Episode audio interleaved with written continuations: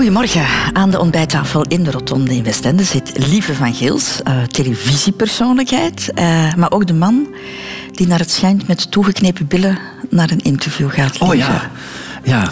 Hier hou ik helemaal niet van. Ik zit liefst aan die kant van de tafel waar je zelf de microfoon mag vasthouden en de vragen stellen. Dan heb je alles onder controle. Ja, ja, ik ben een, nou, een beetje een controlefreak, vrees ik wel. Ja. Maar als we dit nu eens gewoon een gesprek noemen, lieve Van Geels, zou het dan beter gaan? Dat, is al, eh, dat maakt al een groot verschil. En kijk, ehm, met zicht op zee hier, dat maakt al heel veel goed. Dus ik ben al een, stuk, een heel stuk rustiger. Welkom.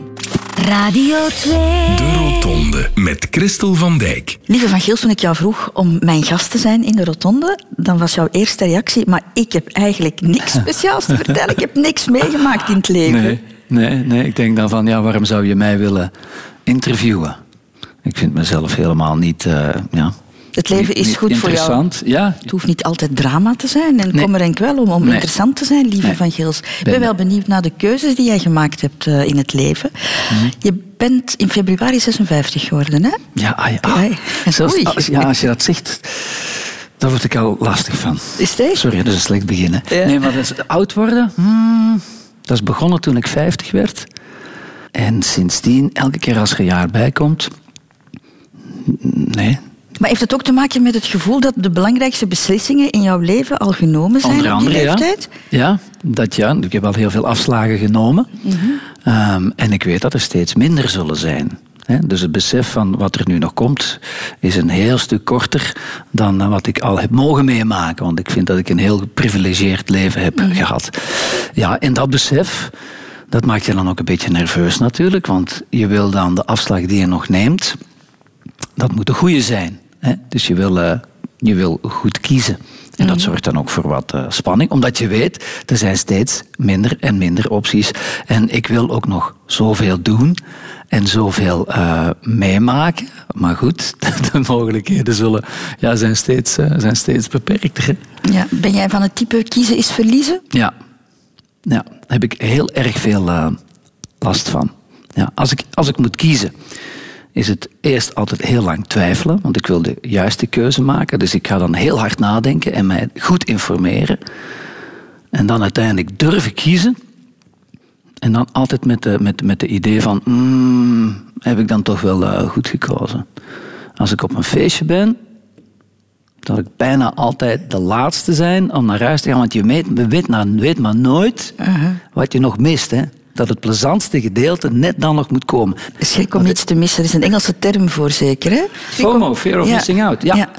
Ja. dat vraag maar eens aan mijn vrouw. Daar heb ik, ja, dat, is een, dat is een ziekte mm. bij mij. Dat is met de jaren wel wat, uh, wel wat gemilderd. Ik kan iets makkelijker, iets makkelijker zeggen...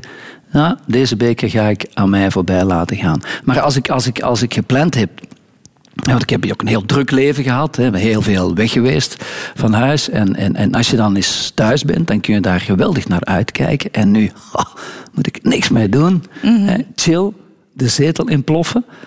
Als er dan een telefoontje komt, en ik, ik, weet en ik zie van, nee, die gaat vragen of ik nog kom invallen om te, om te tennissen. En daar heb ik dan, dat zie ik dan echt niet zitten. Ik pak op en zeg, lieve, met mijn mantenkort kom je? Ja, Geert, ik kom eraan. Hè. Ja, toch, dan ben ik toch weg. ik kan niet nee zeggen. ja, Moeilijk woord. Ja. Je bent een bekend persoon, uh, lieve Van Gils, dus je hebt een, uh, Wikipedia-pagina natuurlijk. Hè? En daar staat uh, dit op te lezen, onder meer toch? Lieve van Geels, Hoogstraat, 24 februari 1964, is een Belgisch presentator en sportjournalist voor zenders van de Vlaamse openbare omroep VRT. Klinkt, klinkt heel serieus. ja, ja, ja. Maar uh, in het hele overzicht, het hele professionele overzicht op jouw Wikipedia-pagina, wordt de jongen, totaal vergeten de jongen die, die jij was, ja. vooraleer je bekend werd. Dus Hankoek heeft voor jou een nieuwe Wikipedia-pagina gemaakt. Lieve van Gils is geboren op 24 februari 1964 in Hoogstraat als oudste van drie kinderen. Kleine Lieve was een eenvoudige en sobere jongen, getuigt mama Jean. Die at altijd weinig. En Lieve had ook heel mager beentjes en zo, maar ja, die was met weinig content. Ten huize van Gils moest iedereen altijd zijn boterhammen en ook alle korstjes opeten. Maar aan die regel lapte Lieven dikwijls zijn laars, lacht mama Jean. Onze Lieve die smeet die korstjes altijd onder onze karrels in een stoel en die moest dan dubbel de korstjes eten. Maar behalve deze minieme jeugdzonde viel er op de jonge Lieve niets aan te merken. Integendeel, vertelt vader Manu met trots. Iemand uh, wilde leren, wilde de, go de goede zijn, de beste zijn. Ook jeugdvriend Paul Goos kan dit volmondig bevestigen. Lieve was eigenlijk uh, een voorbeeld van een zeer goede student. Uh, absoluut geen seut natuurlijk, nee, dus hij pakte er ook wel van, maar hij was zeer bewust bezig met, met zijn studies. Lieve was een goede student, maar dat betekende niet dat hij voortdurend boven de boeken zat, verzekert vader Manu. Hij nam altijd wel een beetje de voorstel om te organiseren van wat doen en zo. Dat heeft hij altijd wel gehad. Zo was hij het brein achter de pingpongwedstrijdjes op familiefeesten, vertelt zijn vier jaar jongere neef Patrick Pauwels. En de slechtste die moest dan altijd zo een, eh, een, een trainingsvestje van Ravago aandoen. Ravago was toen een, een plasticbedrijf. Dat was een gigantisch lelijk vestje. Uh, en die moest er dan mee rondlopen. Maar dat kwam allemaal uit zijn brein. Hè. Lieve was toen al een fervente En zijn lievelingssport, weet papa Manu, was tennis. Hij was dus een supporter vooral van, van, uh, van Connors. Hè. Dat was, zijn, dat was zijn idool bij manier van spreken. En dan zeg ik, dat is mijn stijl, zegt hem. Hè. Dus, uh... Maar Lieve was ook gek van het wielrennen en de Tour de France, verzekert zijn neef Patrick. Dus ook met de Tour de France bijvoorbeeld had hij een heel bord gemaakt. En dat, was, dat werd dan nagespeeld in de kelder bij hen. Um, en dan had hem daar dus wielrennertjes op gezet. En daar werd de Tour de France nagespeeld. Hè. En Lieven speelde toen al reporter van legendarische wedstrijden met speelgoedwielrenners, getuigt vader Manu. Daar nam hij interviews af van de ene en van de andere en zelfs op cassette dat opgenomen werd, ja. Dat, zat er al vroeg in, ja. Knappe kop Lieve ging Germaanse filologie studeren aan de Universiteit te Leuven. En daar maakte een van de proffen een profetische uitspraak, herinnert jeugdvriend Paul Goos zich nog goed. En toen is Fons Fraters tegen hem gezegd van Van Gils, je hebt een gouden strot, doe er iets mee. En met die gouden strot nam Lieve in 1987 deel aan een examenregisseur-omroeper bij de openbare omroep. Er deden 1500 mensen mee, hij eindigde bij de beste vijf en mocht meteen beginnen. En de rest is history. Ik moet niks meer vertellen, even even samengevat. Zalig. Ja, ja, we gaan uiteindelijk nog een aantal dingen uitpikken natuurlijk. Maar toch een beetje een leiderstype, heb ik de uh, indruk. Ja, initiatiefnemer. Dat wel, ja. Dingen op het getouw zetten en, en organiseren. En uh, mensen rond mij verzamelen om samen iets te doen. Dat heb ik ook nog altijd wel wat. Maar grappig om al die stemmen in het, in het hoofdstraat, in dat uh, sappige campus, terug te horen. En ik word meteen teruggecatapulteerd in mijn jeugd. En daar word je zo week van. Hè. Dat is, je, je, je, je voelt dat, dat, dat geluksgevoel in jezelf mm-hmm. opborrelen. Dat is de mooiste tijd van je leven. Hè. Het gezin waarin jij grootgebracht bent, lieve Van Geels, even schetsen. Je bent de oudste van drie kinderen. Je hebt nog een broer en een zus. En je hebt twee ouders die in het onderwijs stonden. Ja. Dat is de zakelijke feiten. Jij kan het waarschijnlijk anders Ja, maar dat zegt al dat veel. Ja. Mijn broer 22 maanden jonger en mijn dan nog eens een zus nog eens 22 maanden jonger. En mijn, mijn ouders staan allebei in het uh, onderwijs, waardoor die heel veel thuis waren. Die waren er altijd voor ons. Wij kwamen zelfs, wij gingen naar school in, uh, ja, in Hoogstraat, maar er zijn heel veel scholen, dat was op vijf minuutjes met de fiets. Dus wij kwamen over de middag met z'n allen thuis. En mijn moeder maakte op de middag warm eten klaar. Soep. En dan, ja, wat wij vroeger altijd aten, patatten en, en, en, vlees of vis en groenten. En dan reden wij terug naar school en uh, s'avonds kwamen wij thuis om een uur of half vijf. Iedereen was daar. Wij aten onze boterhammetjes op. En uh, om vijf uur konden wij aan de rest van de avond beginnen. En dan is de avond nog lang en kun je heel veel doen. Mm. Ik ben echt opgegroeid op de boeren buiten en altijd buiten gespeeld gevoetbald, elke dag gevoetbald, uh, denk ik. Maar ook ja, uh, riddertjes spelen, wapens maken en kampen bouwen in het, in, in, uh, in het maïsveld van Boer Jansen, totdat hij met de riek achter, achter ons aankwam. En dan moest ik tussen zijn benen kruipen om te, om te ontsnappen. Of we gingen dan pruimen plukken of pruimen pikken, moet ik eigenlijk zeggen, in, in de Hof van de Juge. En daar moesten we wel eens voor op de loop en we gingen voetballen op de speelplaats van de gemeenteschool. En we schoten daar wel eens een ruit kapot. En dan kwam er weer iemand achter ons aan. Dat soort van, van qua jongensstreken. En als ik wat ouder werd, ging ik dan, gingen, we, gingen we tennissen. En ging ik heel de dag op, het tennis, uh, op de tennisclub rond. Of we gingen windsurfen. We kochten een, een, een, een surfplank. En dan achter op de fiets zo'n karretje gemaakt naar de E10-put. Dat was zo'n plas vlak bij de autostrade. De hele dag um, op het water, langs het water. Ja. Dat is toch onbetaalbaar. Je beschrijft het ongelooflijk idyllisch. Ja, maar dat was ook. Maar op dat moment besef je dat niet. Hè? Je maakt dat allemaal mee. En je leeft je leven, je beleeft uh, je jeugd. Maar op een gegeven moment ja, is het dan tijd om ja, je verantwoordelijkheid te nemen. En, uh, en dan kantelt dat. Maar wat wel klopt, en dat, dat, dat is waar wat mijn, uh, wat mijn pa zegt. Um, ik heb altijd ervoor gezorgd, en dat is voor ouders ook altijd prettig natuurlijk, dat mijn studies dat dat in orde was. Mm -hmm. uh, en dat, dat, ja, dat verantwoordelijkheidsgevoel had ik dan wel al snel. Want ik moest ook gaan trainen. Ik speelde dan uh, bij Hoogstraten um, voetbal. Uh, twee keer per week trainen. En dan vroegen ze ook nog of ik op woensdagnamiddag bij de schoolploeg wilde meekomen voetballen. Maar dan zei ik, mm, mm, mm. nee, want dan krijg ik mijn studies niet goed gemanaged. Mm -hmm. ik, wilde, ik wilde absoluut geen herexamens moeten doen. En dat heb ik heel mijn leven volgehouden. Ik heb heel mijn leven geen enkel herexamen gedaan. Dus ik heb altijd wel goed. Um, en dat was van jongs af aan wel. Ja, -hmm. dat is misschien wat, wat je daar ook hoort. Perfectionist. Het goed willen doen. En um, dat allemaal tot een goed einde brengen. Dus dat ver verantwoordelijkheidsgevoel heb ik wel altijd gehad. Ja. Je heb je altijd gevonden in de weg die jouw ouders voor jou hadden uitgestippeld? Of, of de manier waarop je opgevoed werd? Er zat geen, geen rebel in jou? Nee, maar dat, dat, was, ik, dat, was ook, dat was ook niet nodig. Er waren bij ons bepaalde afspraken, maar ik vond dat altijd redelijk. Bijvoorbeeld, um, we moesten elke week naar de mis gaan. Als puber, heel onredelijk en je kunt je daar tegen verzetten. En ik heb dan uh, op een gegeven moment ook wel wat tegengeprutteld. Maar dan was met de, uitleg van mijn ouders, ja kijk, je woont hier bij ons, wij zorgen voor jou. Bepaalde regels in het huis hier vinden dat je moet respecteren. En wij vragen dat je elke ochtend of elk weekend uh, naar de mis gaat. En dan aanvaard je ja, dat? En, en, daarna mag je gaan voetballen zoveel als je wil. En dan maak je van een nood een deugd. Wat deed ik? Ik ging ofwel zaterdagavond met mijn maten naar de mis en gingen daarna een pintje pakken.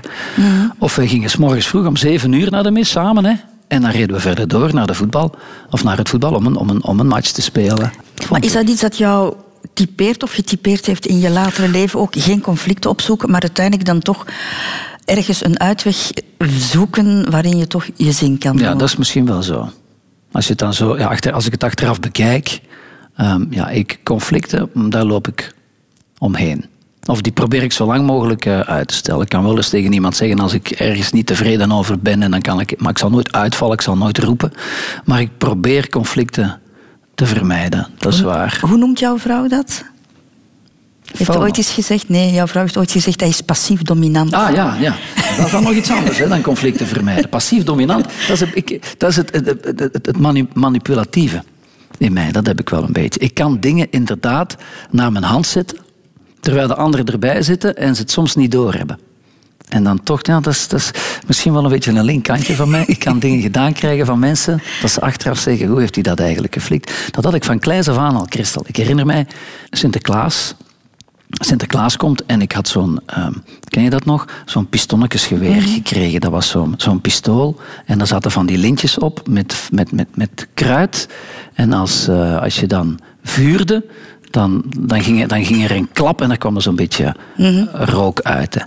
En um, wij mochten toen met ons speelgoed van Sinterklaas morgens naar school gaan. En ik kwam ja, vier als een gieter met mijn pistonnetjespistool. Maar mijn neef die had zo'n joekel van een mitraillet gekregen. En als die vuurde, dan gebeurde er van alles. Dan kwamen daar geluiden uit en je zag vlammen en dat knetterde. Een en al spektakel stond ik daar met mijn klein ding. Maar op het einde van de dag, wat gebeurt er? Hij komt thuis met mijn pistonnetjesgeweer en ik kom thuis met dat indrukwekkend machine van mijn, van mijn neef. En het strafste van al, hij komt vier als een gieter thuis. Hè. Hij is blij met dat klein ding dan met zijn machtig wapen. Maar ik kon daar zo een uitleg aan geven. Zie je? Win-win voor iedereen.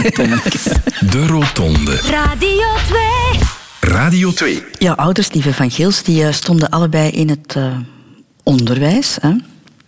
Ik kan erover meespreken. Vader in het onderwijs. Ik vond dat niet altijd een cadeau.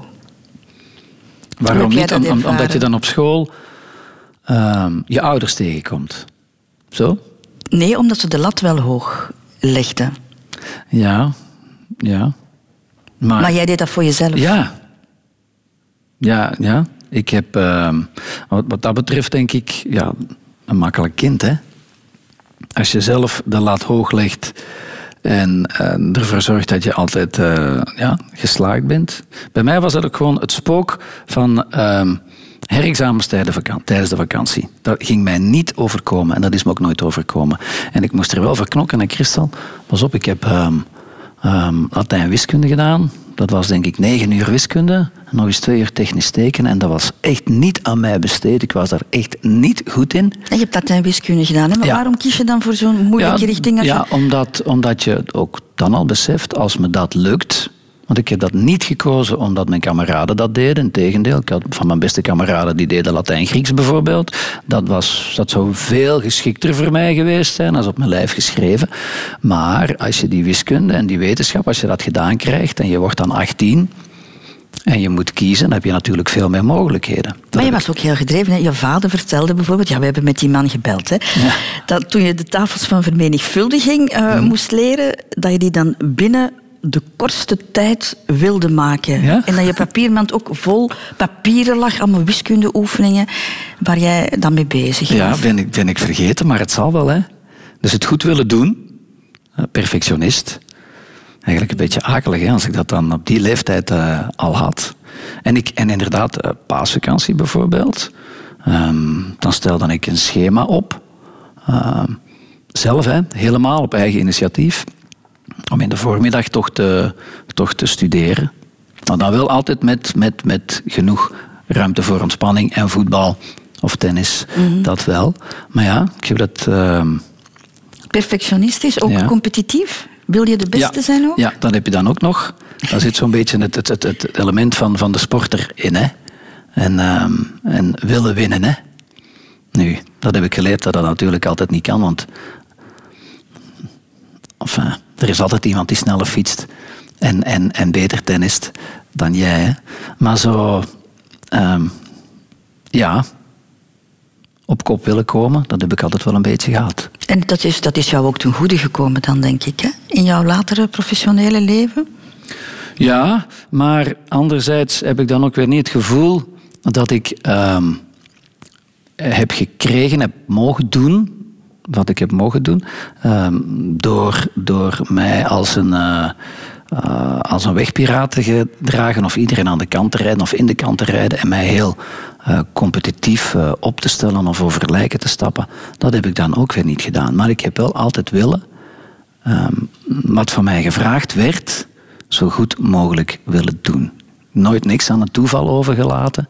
Nooit gedacht van, oh, ik, ik, ik doe dit al zo lang, ik zal dat wel kunnen. Komt wel goed? Nee. Ik heb me altijd voor alles wat ik heb gedaan heel goed voorbereid. Dat heb ik ook nog van de grote Jan Wouters geleerd. Mm-hmm. Destijds, als je die bezig hoorde, ja, zo bevlogen, dan kon niemand overtreffen.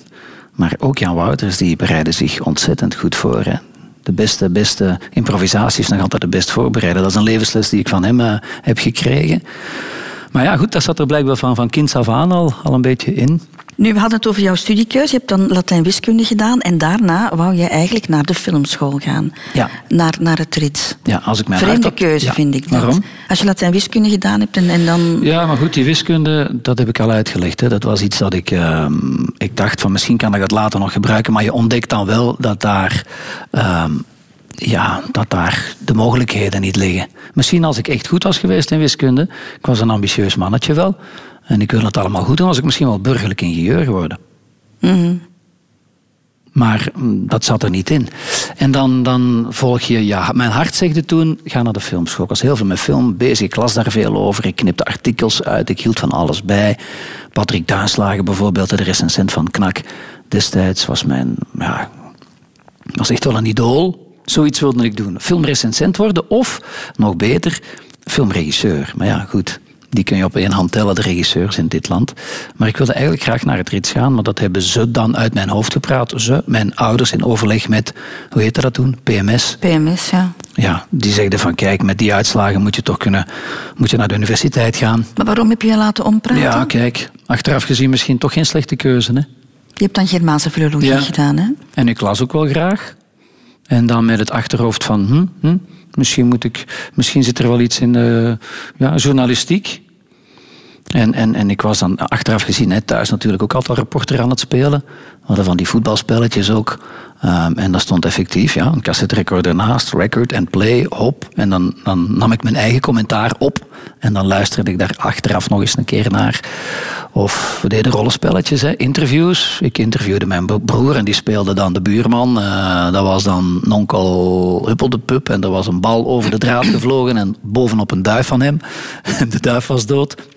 Goed, en dat verhaal moest hij dan vertellen. Ging ik hem interviewen, dus dat heb ik altijd wel gedaan. Maar nooit gedacht van, ik ga bij de radio of ik ga bij televisie. Dat leek mij echt een mm ver van mijn bedshow, dat lukt nooit. Maar die studie was een, een, een veiligere keuze en jij kon je daar dan in schikken?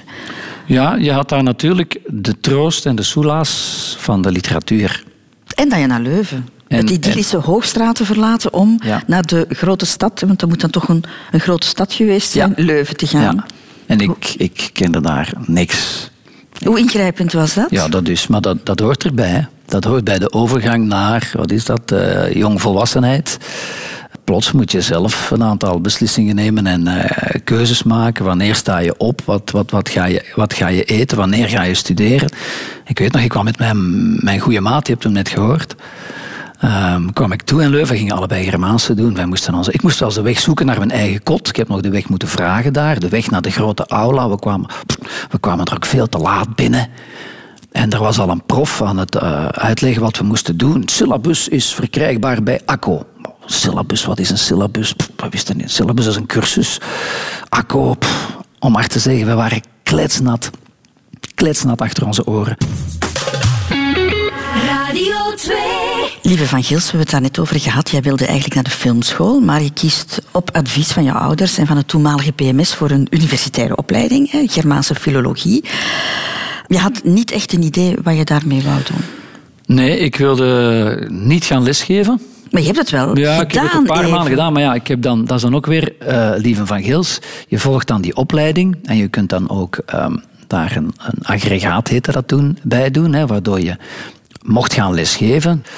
En dan doe ik dat er dan toch bij. Zo, voor de zekerheid. Ja, het, is dat ja, voor jou ja, belangrijk? En, en het, ja, maar bedoel, dan kan, het kan misschien eens van pas komen. En dat is achteraf ook wel verstandig gebleken. Dus um, als ik mijn examen aan het meedoen was op de VRT, toen was ik al afgestudeerd. En toen heb ik drie maanden les gegeven. Een interim op het kleinseminarie in Hoogstraten. Maar gewoon om wat uh, centjes binnen te halen. Dus dat, dat is van pas gekomen. Dat zijn de eerste en de laatste drie maanden geweest. En ik heb toen ook wel beseft, dit is niks voor mij.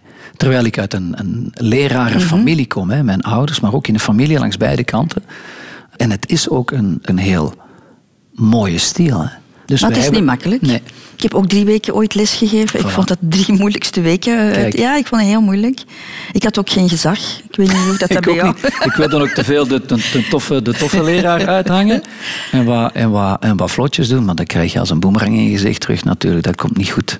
Maar die financiële zekerheid is voor jou dan toch wel belangrijk, lief. Je hebt ook altijd gewerkt. Je hebt ook altijd vakantiejobs en dat soort dingen gedaan, hè? Ja. Ja. ja, maar goed, dat deden we toch allemaal. In Hoogstraten gingen we met z'n allen augurkjes sorteren.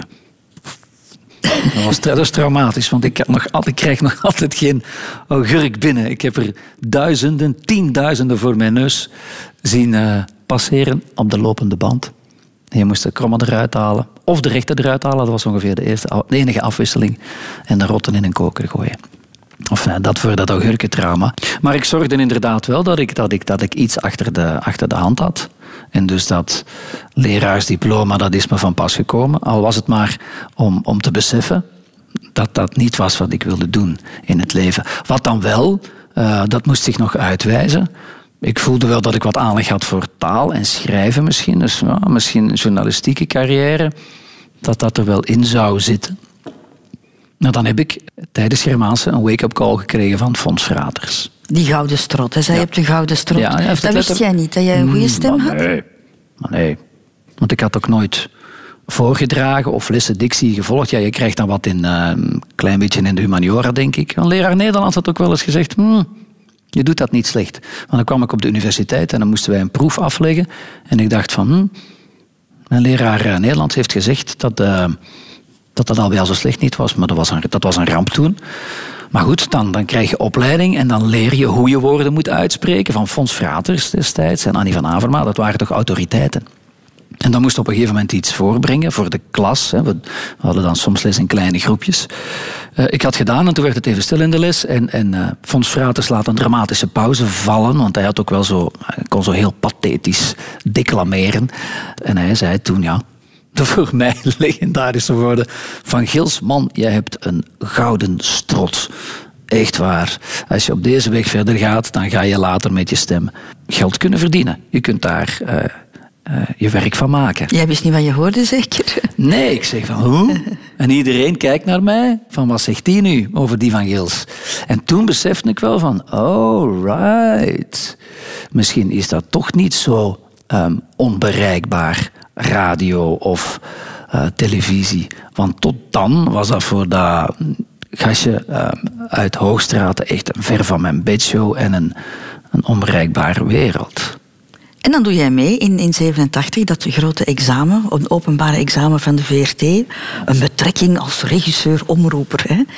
Wat weet je daar nog van? Nou, dat was indrukwekkend. Hè? We zijn daar denk ik mee begonnen aan dat examen. Jij hebt nog meegedaan. absoluut. Meer dan duizend deelnemers. Hè? De eerste proef is uh, een, een kennistest. Hè? Multiple choice examen. En dan volgt schifting. Na schifting, hè, je moet je, je, je, talen worden getest, je schrijfcapaciteiten. Um, en dan stemproef. Hè.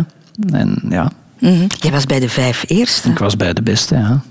Oh. Jij toch ook bijna? Uh, ik was achter jou, beste lieve okay. van Geels. Ik denk ik acht, acht, of, of, acht of twaalfde. Ja, het maakt niet Zoiets. zoveel uit. Hè? Maar, maar als dat op dat moment niet gebeurt, ja, dan, dan wordt het misschien een heel ander verhaal.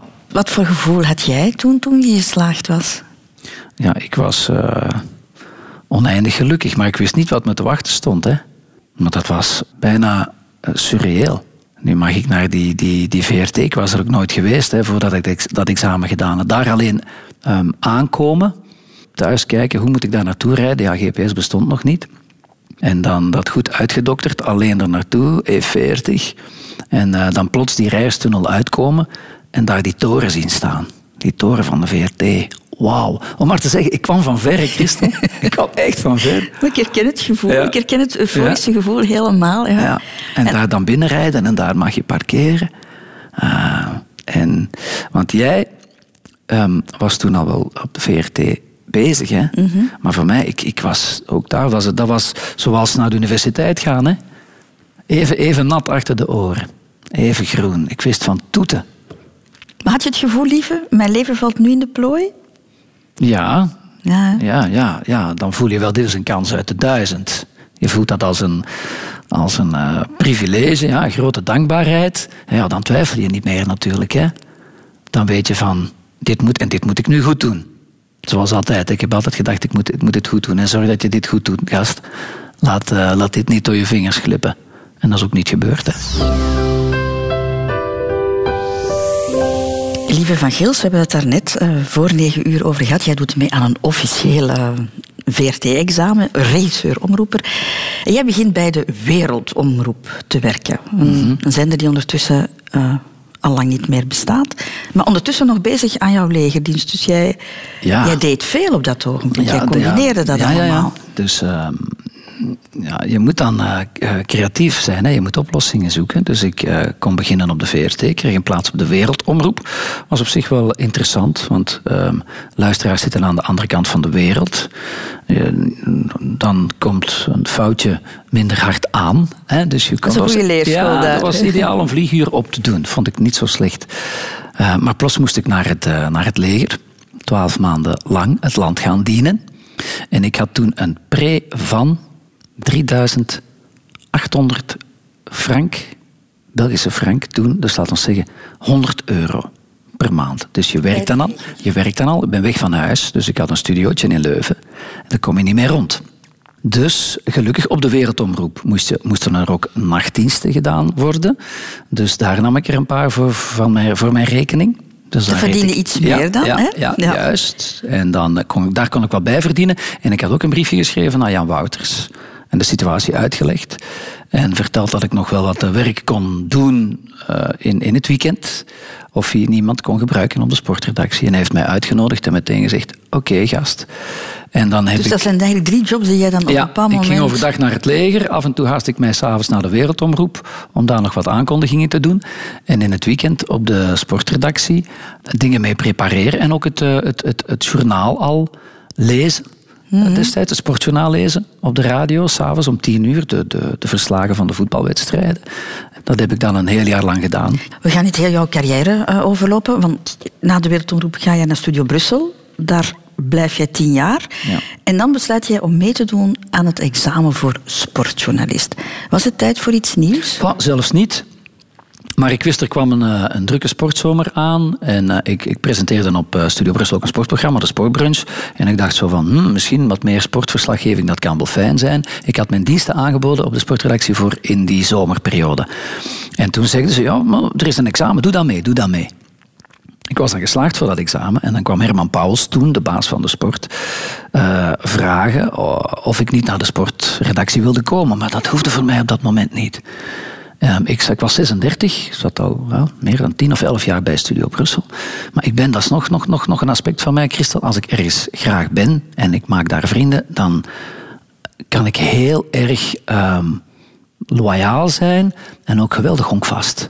Dan krijgen ze mij daar niet weg als ik iets graag doe kan ik dat heel lang doen. En het team ook is voor jou belangrijk, ja, Ja, als ik, ja. Je zit ergens goed. en... en... dat was toen zo bij Studio Brussel. Dus heel veel van mijn goede vrienden van nu, van mijn beste vrienden, Friends for Life, heb ik daar gemaakt. Dat heb je ook met je vrienden uit, ja. uit, uit jouw jeugd. Uit Hoogstraat, dat keer ook ik nog ook altijd terug. En ik blijf die opzoeken en ik blijf die rond mij verzamelen en opbellen. Maar ik maak eh, onderweg ook wel nieuwe vrienden. Ik heb bijvoorbeeld die laatste vier jaar bij Van Giels en Gasten uh, ook vrienden voor het leven gemaakt. Dus je, je maakt vrienden bij, je verliest er hier en daar ook wat, maar ik probeer er zo weinig mogelijk te verliezen. Een grote loyaliteit zit ja. erin, ja. Is het ook een beetje met twijfel te maken in de zin ja. van uh, ja, Studio Brussel die plaatjes aan en afkondigen, dat, dat, dat, dat, heb kan ik in de vingers, dat lukt en ik deed dat ook nog graag. Dus waarom zou ik, waarom zou ik springen? Dat is dan inderdaad ja, ben je twijfelaar? Ja, dat is, dan, dan twijfel ik weer. En dan ben ik, ja, dan, dan, dan, dan ben ik geen springer. Ik zou meer een springer willen en, en, en moeten zijn, vind ik soms. Want dan spring je en dan merk je van, hé, hey, dat is wel tof, dat is goed dat ik dat gedaan heb. Ik kan nu eigenlijk opnieuw beginnen. Maar tien jaar later, hetzelfde verhaal. Als ik telefoon krijg van Vara, en ik had nogal wat vraagjes gekregen ook, ook om, om bij de nieuwsdienst te komen. Maar ik zeg, maar was hier mij hier bezig? Kijk wat ik hier allemaal mag doen op die sportredactie. Omkadering en ik mag naar de koers Olympische Spelen, overal naartoe geweest. Um, en dan komen ze mij vragen, Vara, uh, we gaan een nieuwe talkshow ontwikkelen. Ik zoek nog iemand om met mij mee te presenteren, een sidekick. Heb je zin? Ja, nee, eigenlijk eerlijk gezegd niet. Maar goed, als Vara vraagt, kom eens een proef doen, dan doe je dat. En ik doe daar een, een, een auditie. En andere dag staat Vara naast mijn bureau op de sportredactie samen met de, met de eindredacteur, met Greet Nagels. En zeggen ze, we willen absoluut dat je die talkshow komt doen. Maar ik zei nee, mijn schouders naar beneden. Ik, ik, ik, wilde ook niet weg op die sportredactie. En ik heb me dan ook daar nog heel lang aan vastgeklampt. Want dat ben ik dan ook weer heel lang blijven combineren. Op het einde van het seizoen, laatste uitzending van Vara. Uh, Sander en dagsmorgens de trein op naar uh, Roland Garros om daar verslag te gaan doen. Mm. En, en, en een weekje thuis. En naar, uh, dat kon je dus niet afgeven? Nee, nee, nee. Ik kan ook niks, ik kan niks afgeven. Ik kan ook niet kiezen en ik kan niks afgeven. Wanhopig soms hoe ik me daaraan vastklamp. Maar op den duur natuurlijk beseft van... Je kunt het ook allemaal niet even goed blijven doen. Beetje bij beetje een aantal wielerwedstrijden laten vallen. Totdat er alleen nog de Tour over was. Mm -hmm. En dan heb ik dat dan ook aan, uh, aan een collega overgelaten. Maar dan breekt mijn hart hè, als ik zoiets moet afgeven. Ja.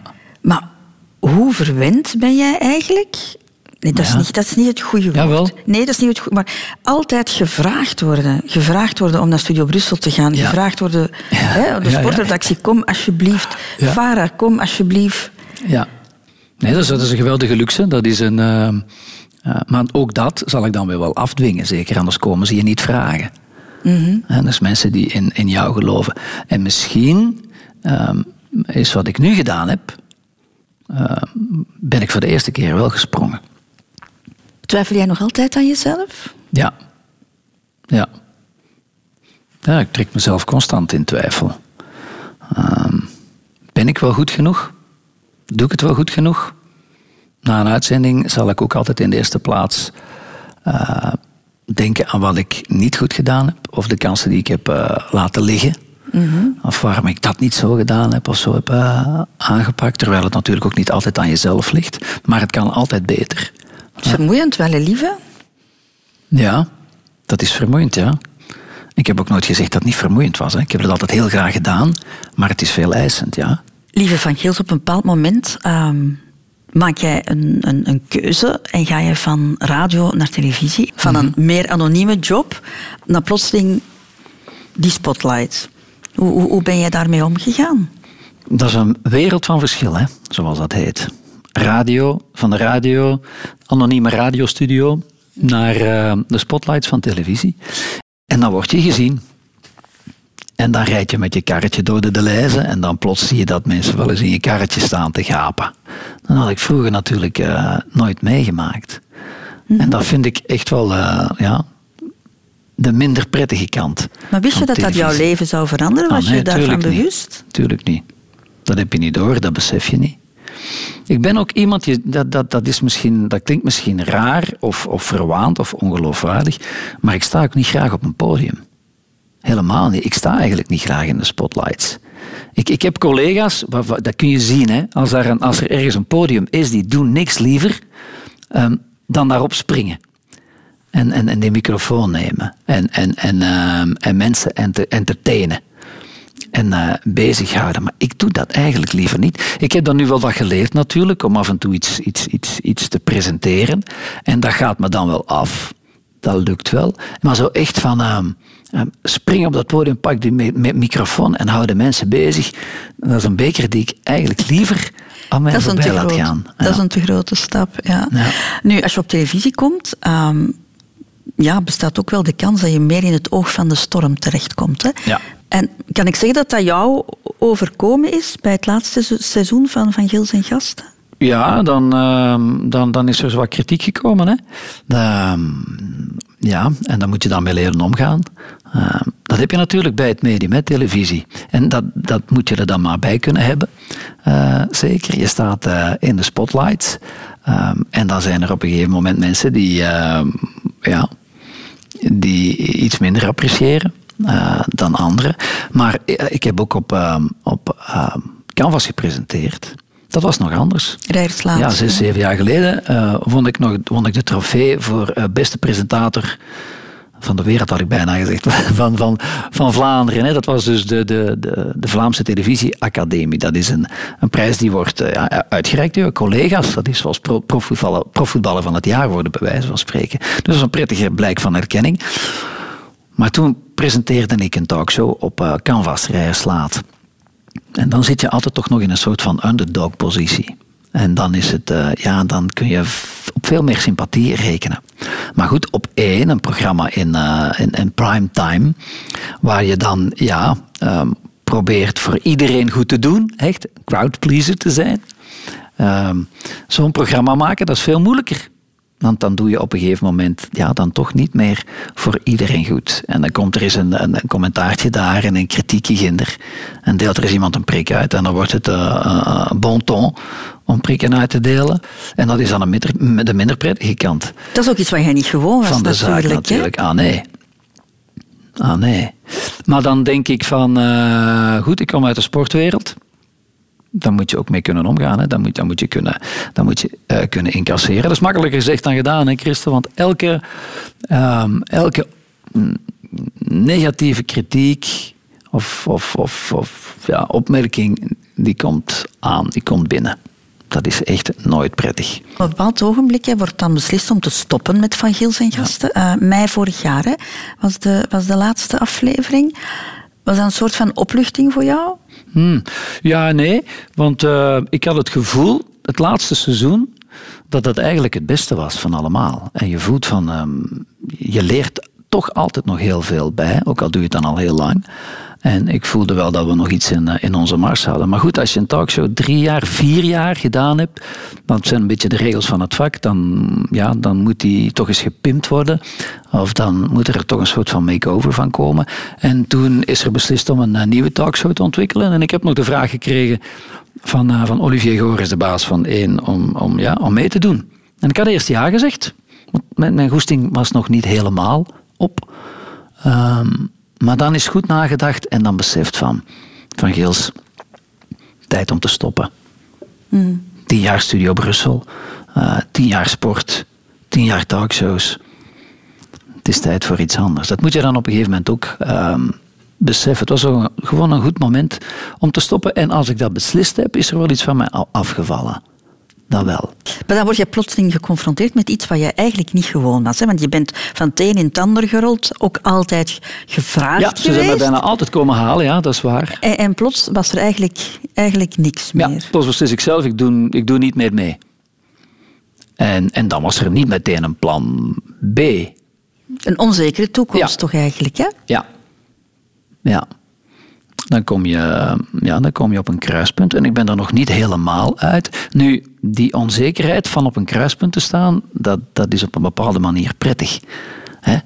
Want uh, een kruispunt, dat betekent mogelijkheden, dat betekent opties, kansen. Dus kunnen en mogen kiezen, dat is, een, dat is een geweldige luxe. Maar er is ook zoiets als keuzestress natuurlijk. Maak ik wel de goede keuzes? Mm En willen ze mij wel laten doen wat ik graag doe? Hm? En dan krijg je op een gegeven moment een, een, is een aanbod om dit of dat te gaan doen.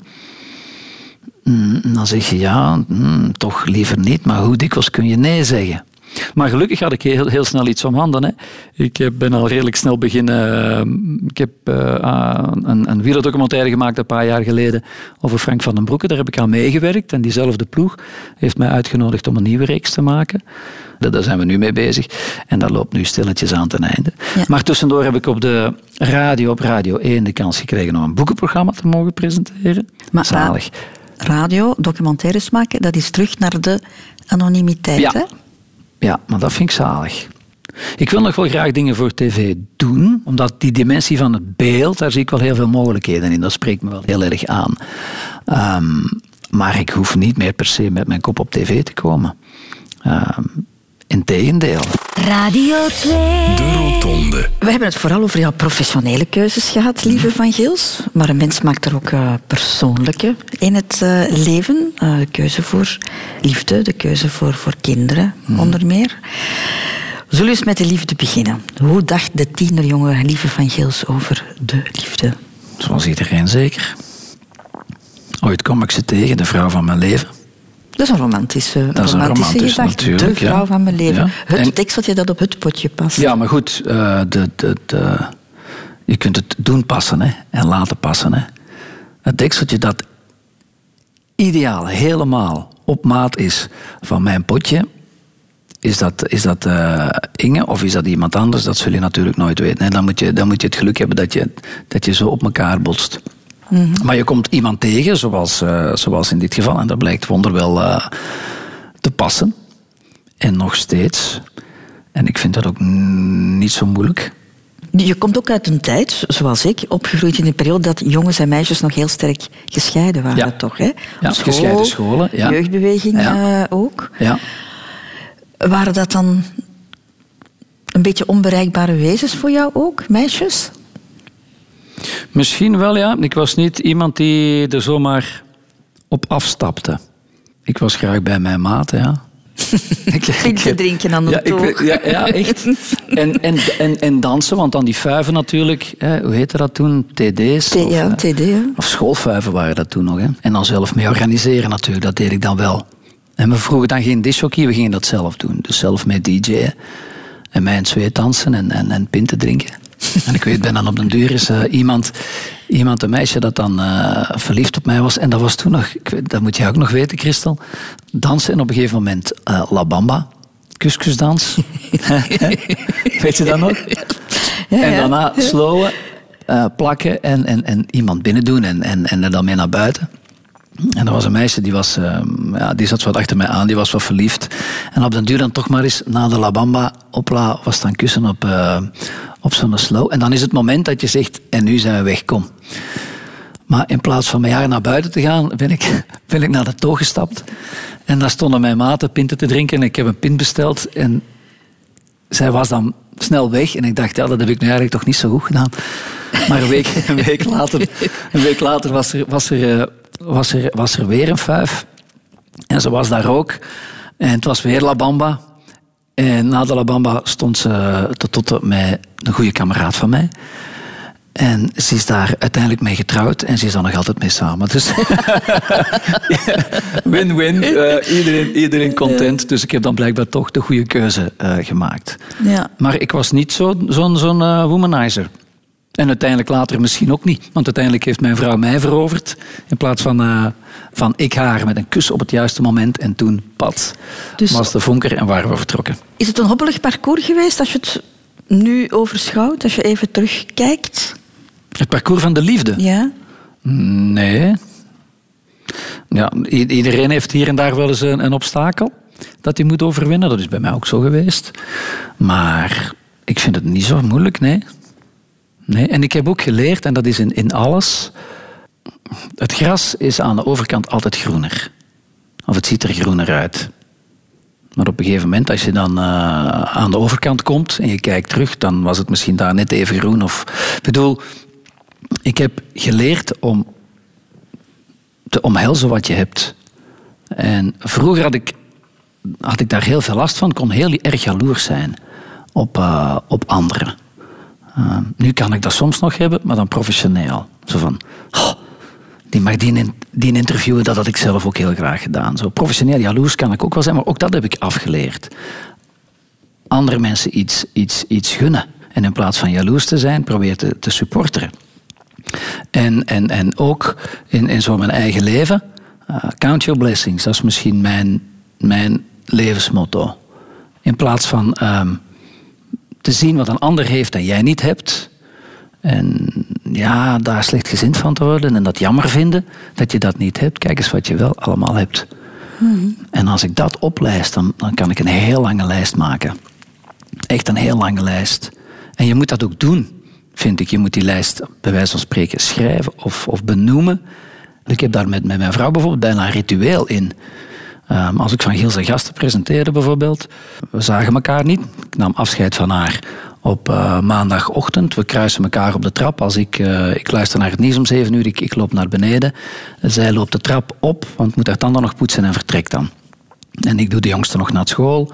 Uh, en ik bel intussen al met de, met de redactie. En op de week, de week start op. En ik zie haar eigenlijk pas terug op donderdagavond. Dus zij werkte vier vijfde. Dus donderdagavond kom je dan thuis, helemaal afgemat. En dat was ons duvelmoment. Mm -hmm. En dan praat je bij. En dan die eerste duvel, dat was bijna een ritueel.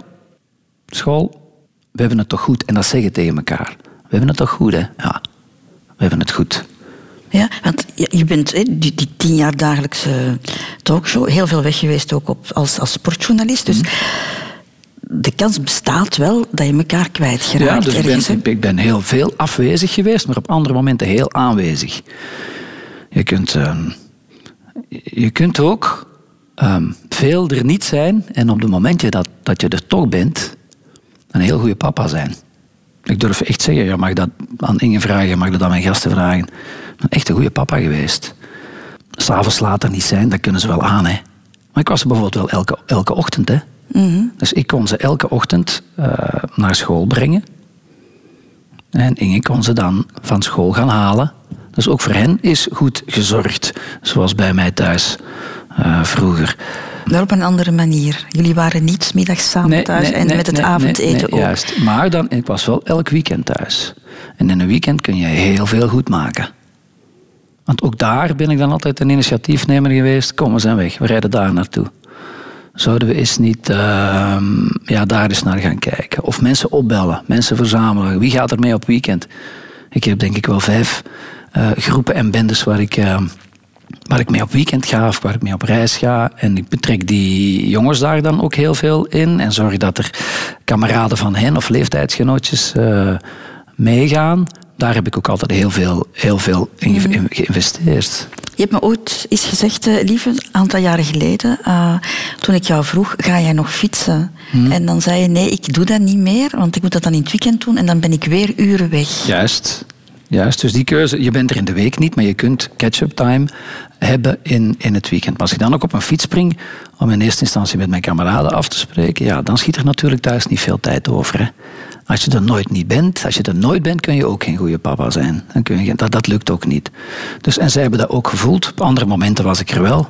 En dus ik heb op een gegeven moment inderdaad op mijn, op mijn vijftigste een, een koersfiets uh, gekocht. Uh, ik spring daar wel eens op, maar ik heb daar veel te weinig mee gereden. Dat was mijn uh, midlife crisis uh, bike zeker, in plaats van een, van een motorfiets. Maar die tijd komt nog wel, hè. Dit is Radio 2. Ik ga jou laten doodgaan, lieve Van Gils. De allerlaatste afslag, die moeten we nog nemen. 56, ik zeg het nog maar eens. Hè. Je staat er dichterbij dan er verder af. Bedankt, Christel. niet graag. Hè? Nee, nee, niet nee, graag. nee, nee, ik kan er ook niet, ik kan er ook niet om lachen. Nee. Dus dat is eigenlijk de voorlaatste afslag zo. Hè? Oud worden. En dan dood, ik denk er ook niet graag over na, ik kan dat allemaal niet goed hebben.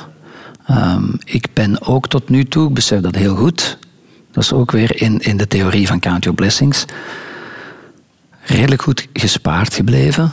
En ja, ik voel dat ik al heel veel geluk heb gehad in mijn leven. Een deel daarvan heb ik misschien afgedwongen, maar ik, heb een, ja, ik ben bij een geweldig groot lot, een goed lot geboren. Maar ook dat is eindig. Hè? Dus je weet op een gegeven moment um, komt lontje om zijn boontje.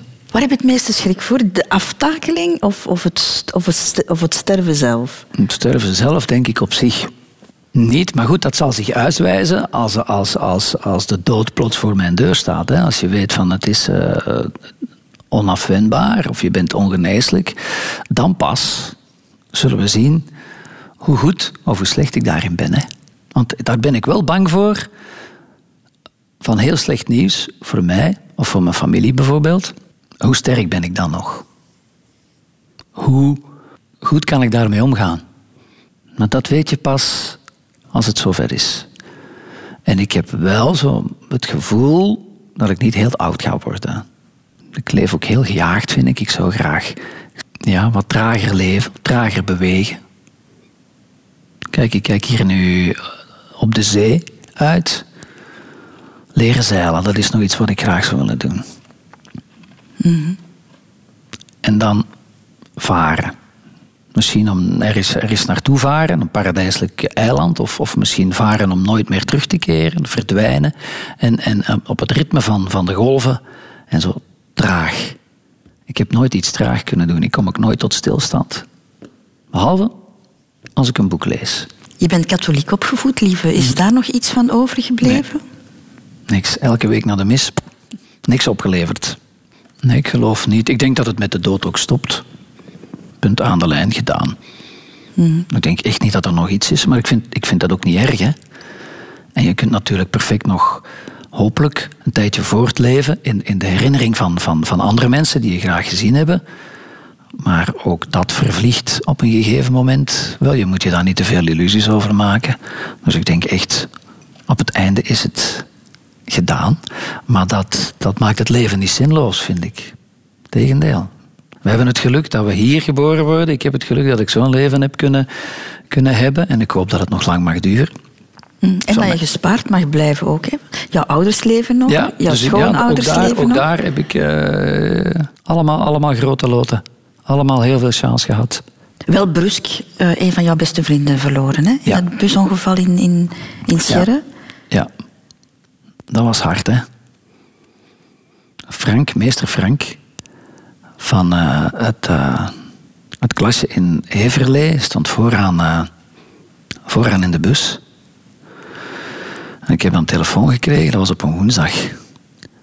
En toen hadden wij geen uitzending van uh, Rijslaat.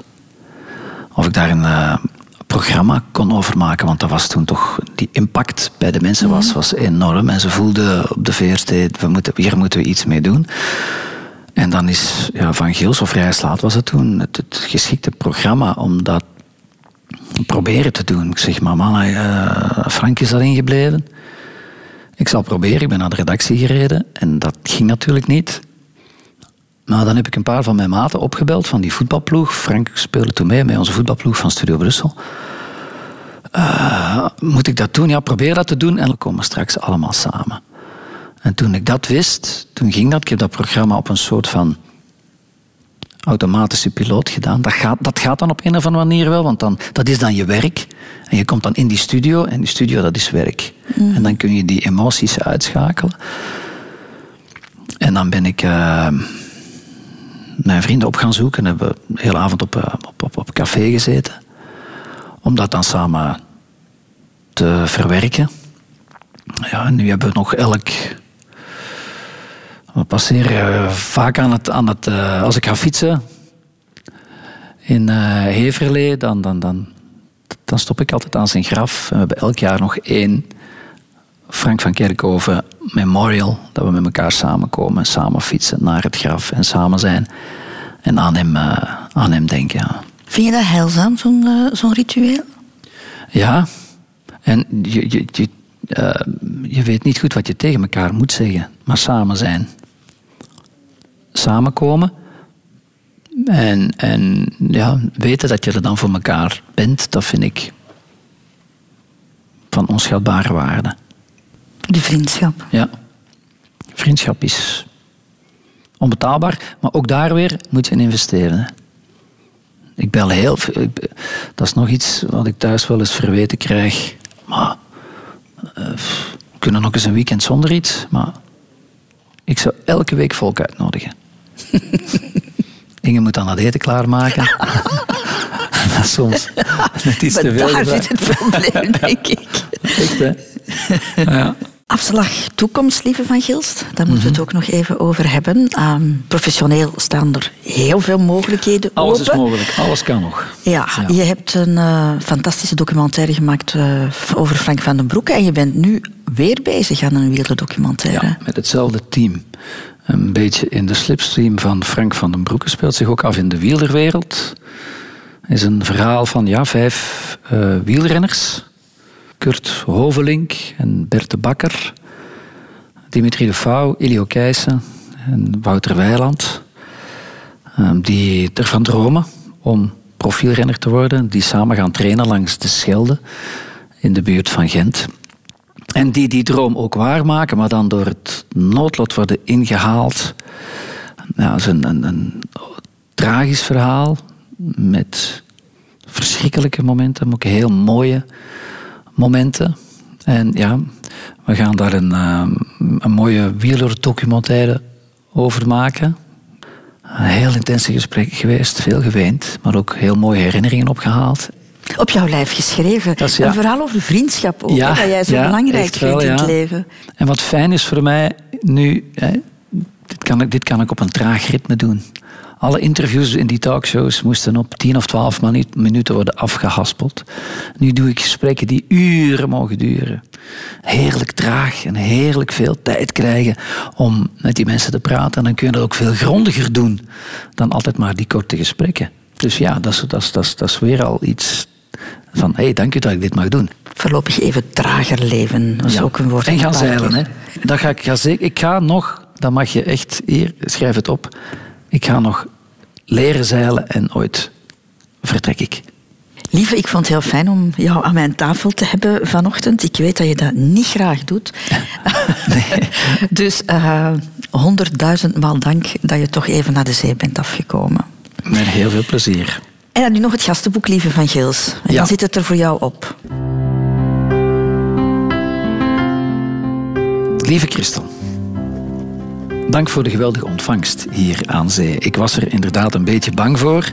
Ik stel liever zelf de vragen dan dat ik ze moet beantwoorden. Maar het was een fijn gesprek. Je had uh, bij mijn aankomst gisteravond een duveltje voor mij koud gezet zo attent. Dus ik voelde mij meteen in goede handen. En hoe fijn vind ik het ook om hier met jou te zitten praten met zicht op de zee. Ik heb iets met de zee, de eindeloze zee. En, en, en effectief, ooit ga ik het doen. Ooit ga ik leren zeilen. En dan koop ik mij een zeilbootje. Dan ga ik eerst even het grote lot moeten winnen misschien. Maar toch, het hoeft maar een klein bootje te zijn. En als jij dan nog de rotonde presenteert, dan kom ik je met mijn bootje ophalen. En dan gaan we samen een eindje varen. Lekker traag, zo traag mogelijk, als je het goed vindt. En ik zal een wit wijntje voor je klaarzetten. Liefs, Lieven.